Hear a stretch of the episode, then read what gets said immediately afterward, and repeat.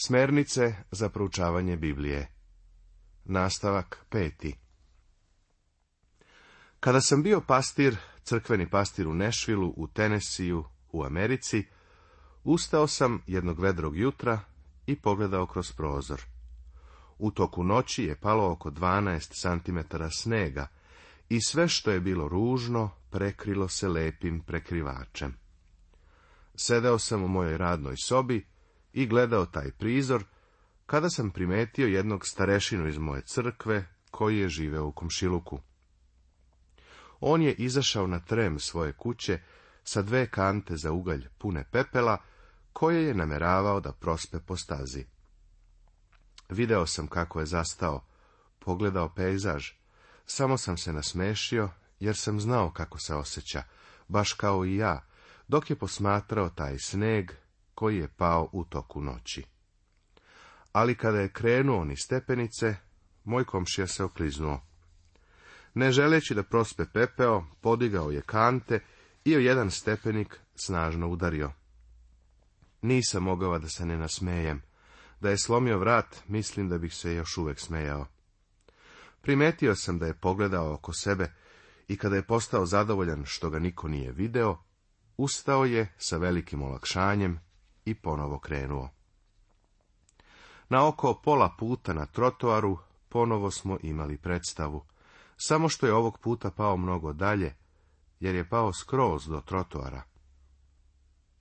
Činilo mi se kao da je odskočio kada je udario o zemlju. Ovoga puta je stvarno posmatrao predeo oko sebe. Nije želeo da iko vidi šta je učinio.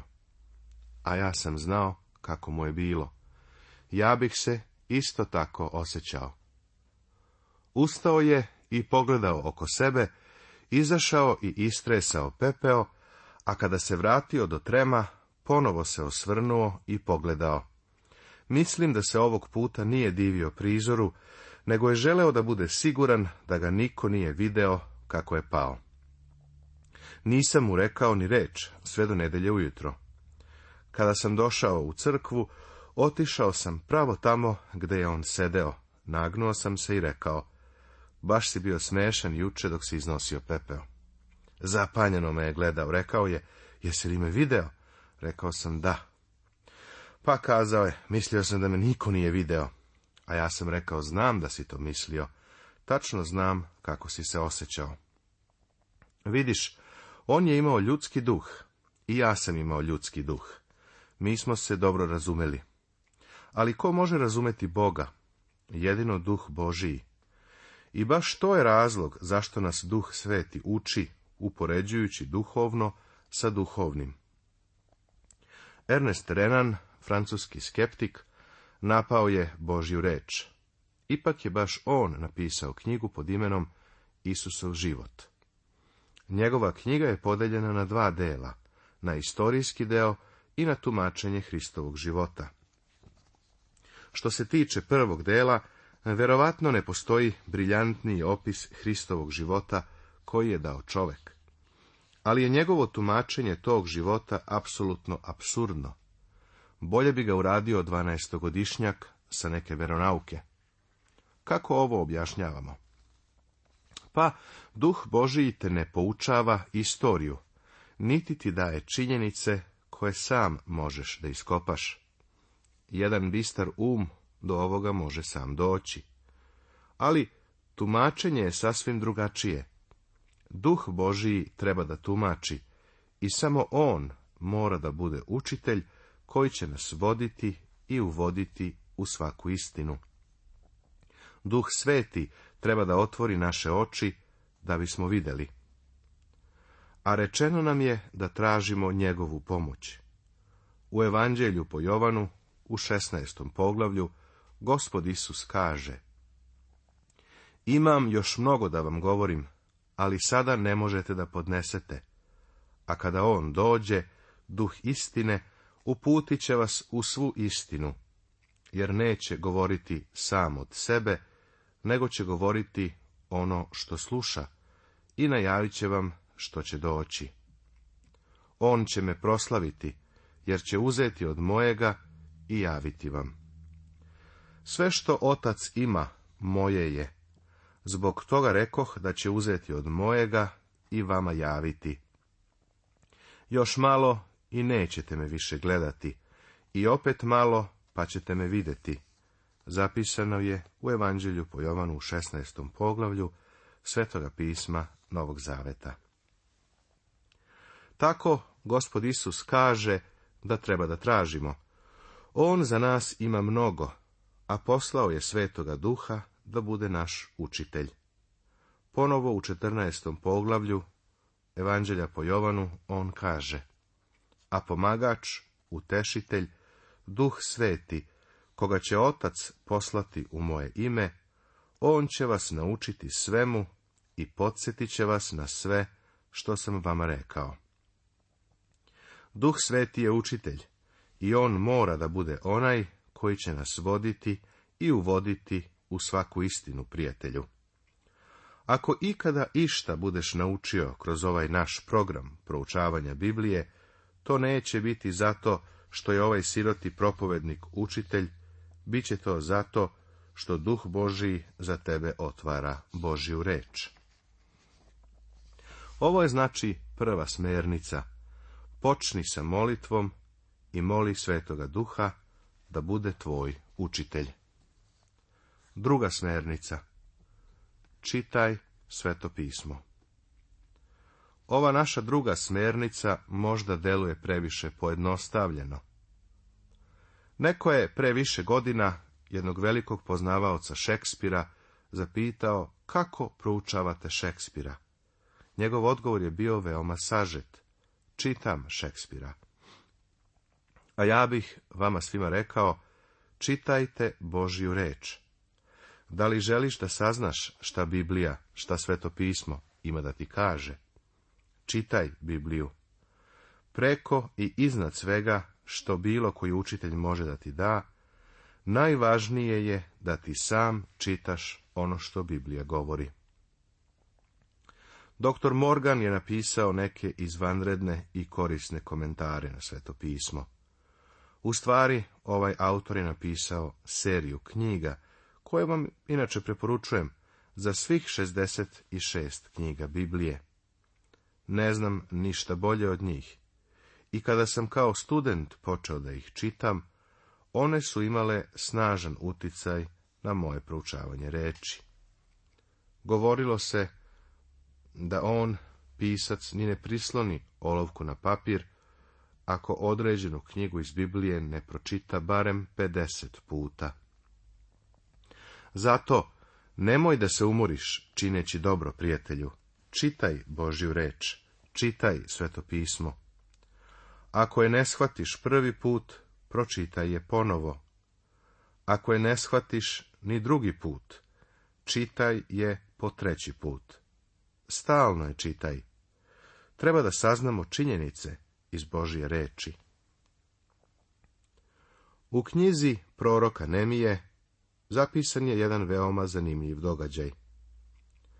Navod Tada se skupi sav narod jednodušno na ulicu, koja je pred vratima vodenim, i rekoše jezdri književniku da donese knjigu zakona Mojsijava, koji dade gospod Izraelju.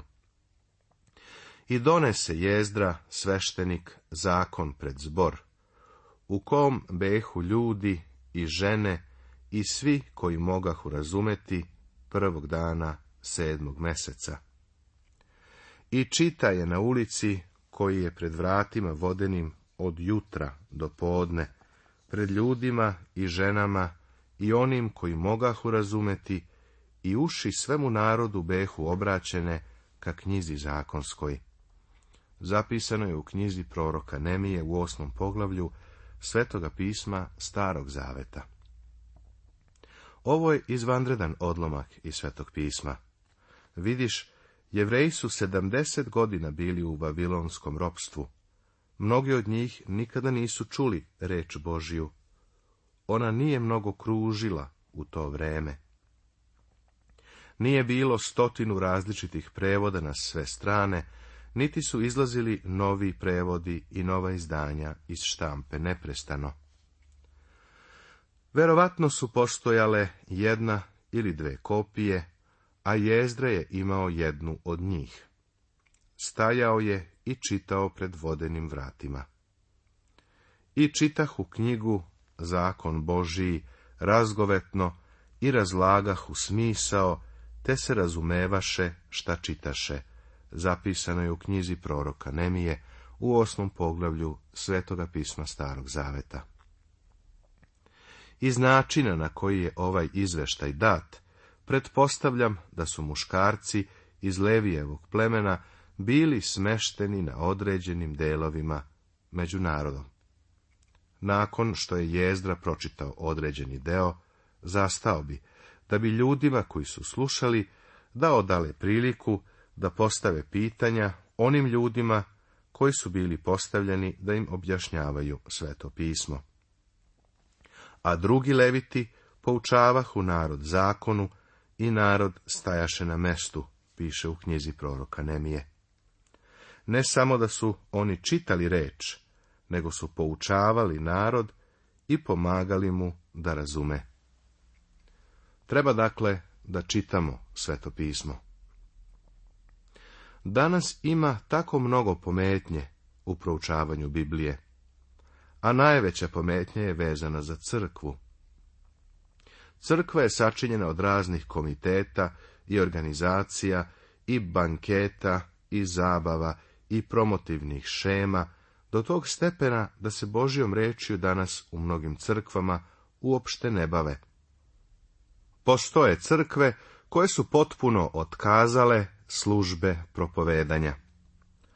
Umesto toga, one imaju vreme kada će ljudi moći da se ispolje i iznesu svoje mišljenje. Ne mogu da zamislim ništa detinjastije ili ništa u čemu bi se više gubilo vreme nego što je ovo. Iako je ovo za lenjog propovednika koji ne čita, niti proučava Bibliju, jedan dobar izgovor da izbegne propovedanje. Nalazim da su ljudi iz crkve mnogo neukiji u vezi sa Biblijom od ostalih ljudi. Oni nekako jednostavno ne poznaju Božju reč. A prošle su godine otkad je ona poučavana u jednoj prosečnoj crkvi. Treba da čitamo sveto pismo. Treba da uđemo u Božju reč, ne da čitamo samo naše omiljene stihove, nego čitavu Božju reč. Ovo je jedini način na koji ćemo je upoznati i saznati prijatelju. To je Božji metod. Kada čitaš celu Bibliju, mislio sam da poznajem moju Bibliju, čitajući je deo po deo, nasumice. Sada malo Jovana ili Mateja sada deo postanja, neke glave iz Isaije, određene psalme 23. Rimljanima 12, prvo poglavlje izreka, da, mislio sam da poznajem Božju reč.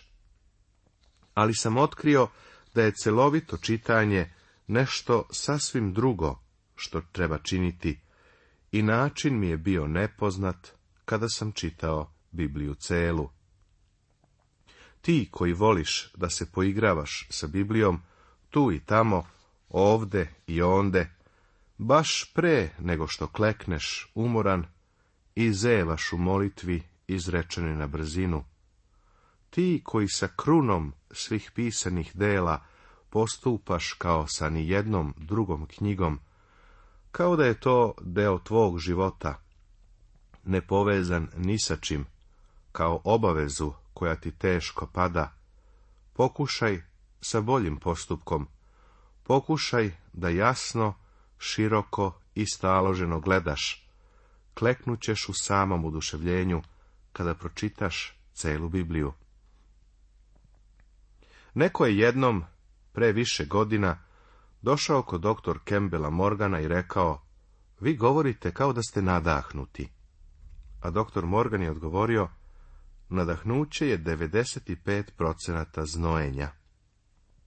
Bibliju treba proučavati. Treba da shvatimo da nas Božiji duh neće naučiti stvarima do kojih sami možemo doći kroz proučavanje. Nekada sam predavao na Biblijskom institutu, a razredi su bili sačinjeni od svih vrsta mladog sveta. Među njima je bilo i nekoliko veoma pobožnih osoba. I ja sam posle određenog vremena ove ljude dobro razumeo. Mada priznajem da ih u početku nisam shvatao. Njihova pobožna lica, smatrao sam, sakrivaju ogromno neznanje i vakuum u vezi sa Božjom rečju. Neki od njih nisu učili veče u oči ispita. Uvek su davali neki izgovor da su zauzeti na molitvenom sastanku ili negde na bogosluženju. Činilo mi se da su neki od njih verovali da mogu da stave Bibliju ispod jastuka noću i da spavaju i da će imena izraelskih i judinih careva jednostavno doći kroz gušće perje jastuka. Veruj mi, neće biti tako. Moramo da prionemo i proučavamo Božju reč. Jedan student je na biblijskom času, dok sam ja bio na fakultetu, rekao, doktore, odredili ste nam odlomak koji je tako suvo paran A profesor mu je istog časa odgovorio, onda ga ti ovlaži malo znojem svoga čela. Bibliju treba proučavati, veoma je važno da to uvidimo. Postoji određeno znanje koje ti duh Božiji neće dati. Mislim da on ne otkriva istine lenjim ljudima. Posle svega, nikada ne učiš logaritme ili geometriju ili grčki jezik tako što samo pročitaš to poglavlje pred odlazak na spavanje. Možda ćeš se šokirati kada kažem da ja ne podstičem čitanje Svetog pisma u tihom času, odnosno dnevnoj pobožnosti, kako je neki ljudi nazivaju. Ali tokom godina naučio sam da veliki broj ljudi koji su verni onome što nazivaju čitanje u tohu tihog časa, veoma zapravo malo poznaju sveto pismo. Sa jednom porodicom sam skoro nedelju dana, kada sam održavao sastanke u jednom mestu na srednjem zapadu, svakoga jutra oko doručka imao vreme za takozvano posvećivanje. Nažalost, doručak je uvek malo kasnio, a Suzi i Vili su žurili u školu. Ubeđen sam da oni nisu znali ni šta se čitalo. Tata je želeo da ide na posao, pa je on učinio da to čitanje Biblije bude vrlo kratko. Uvek bi rekao, pa čitaću jutros ovaj poznati odlomak, jer nemamo mnogo vremena. I veruj mi, nismo imali. U momentu kada bi se čitanje završilo, njihova deca bi kao metak otišla od stola, otac bi također otišao što je brže mogao, a majka bi ostajala sa posuđem. A ja sam se pitao da li je ona zaista čula ono što se čitalo. Baš tu i baš tada sam odlučio da u mom domu neće biti takvog čitanja. Uvek sam članove moje porodice ohrabrivao da sami čitaju sveto pismo. To je korisno čitanje. Neko će reći, ali ja imam dnevnu pobožnost uveče, nakon završetka dana. Zar to stvarno ne uradiš pre odlaska na spavanje? Jednom nogom si već u krevetu, jedno oko ti je već zatvoreno, a otvaraš odlomak iz pisma, koji onda želiš da pročitaš. Ni matematiku ne možeš na taj način da učiš. Ni literaturu tako ne možeš da učiš. Pa ni Bibliju tako ne možeš da učiš. Reč Božiju treba da proučavaš. Treba da je čitaš onda kada možeš da joj posvetiš vreme. A ako ne možeš da nađeš vreme, moraš da ga obezbediš. Odvoji pola sata ili sat. Ili ako stvari radiš nasumice, kao ja, čitaj 30 minuta jednog dana pa možda pet minuta drugog, a dva ili tri sata narednih dana. Ali neka se sve to uklapa u tvoj program. Ja ne postavljam nikakvo posebno pravilo, osim da svaka osoba za sebe treba da čita, a dečaki i devojčice treba ohrabrivati da također samostalno čitaju sveto pismo. Neki smatraju da vreme posvećenja ili tihi čas ili takozvana dnevna pobožnost treba da se održava porodično zajedno. To je dobro ako te gospod tako vodi, ali ti garantujem da nećeš biti pametan student Biblije nakon 20 godina takve prakse. Božju reč treba da proučavaš samostalno. Nastavit će se.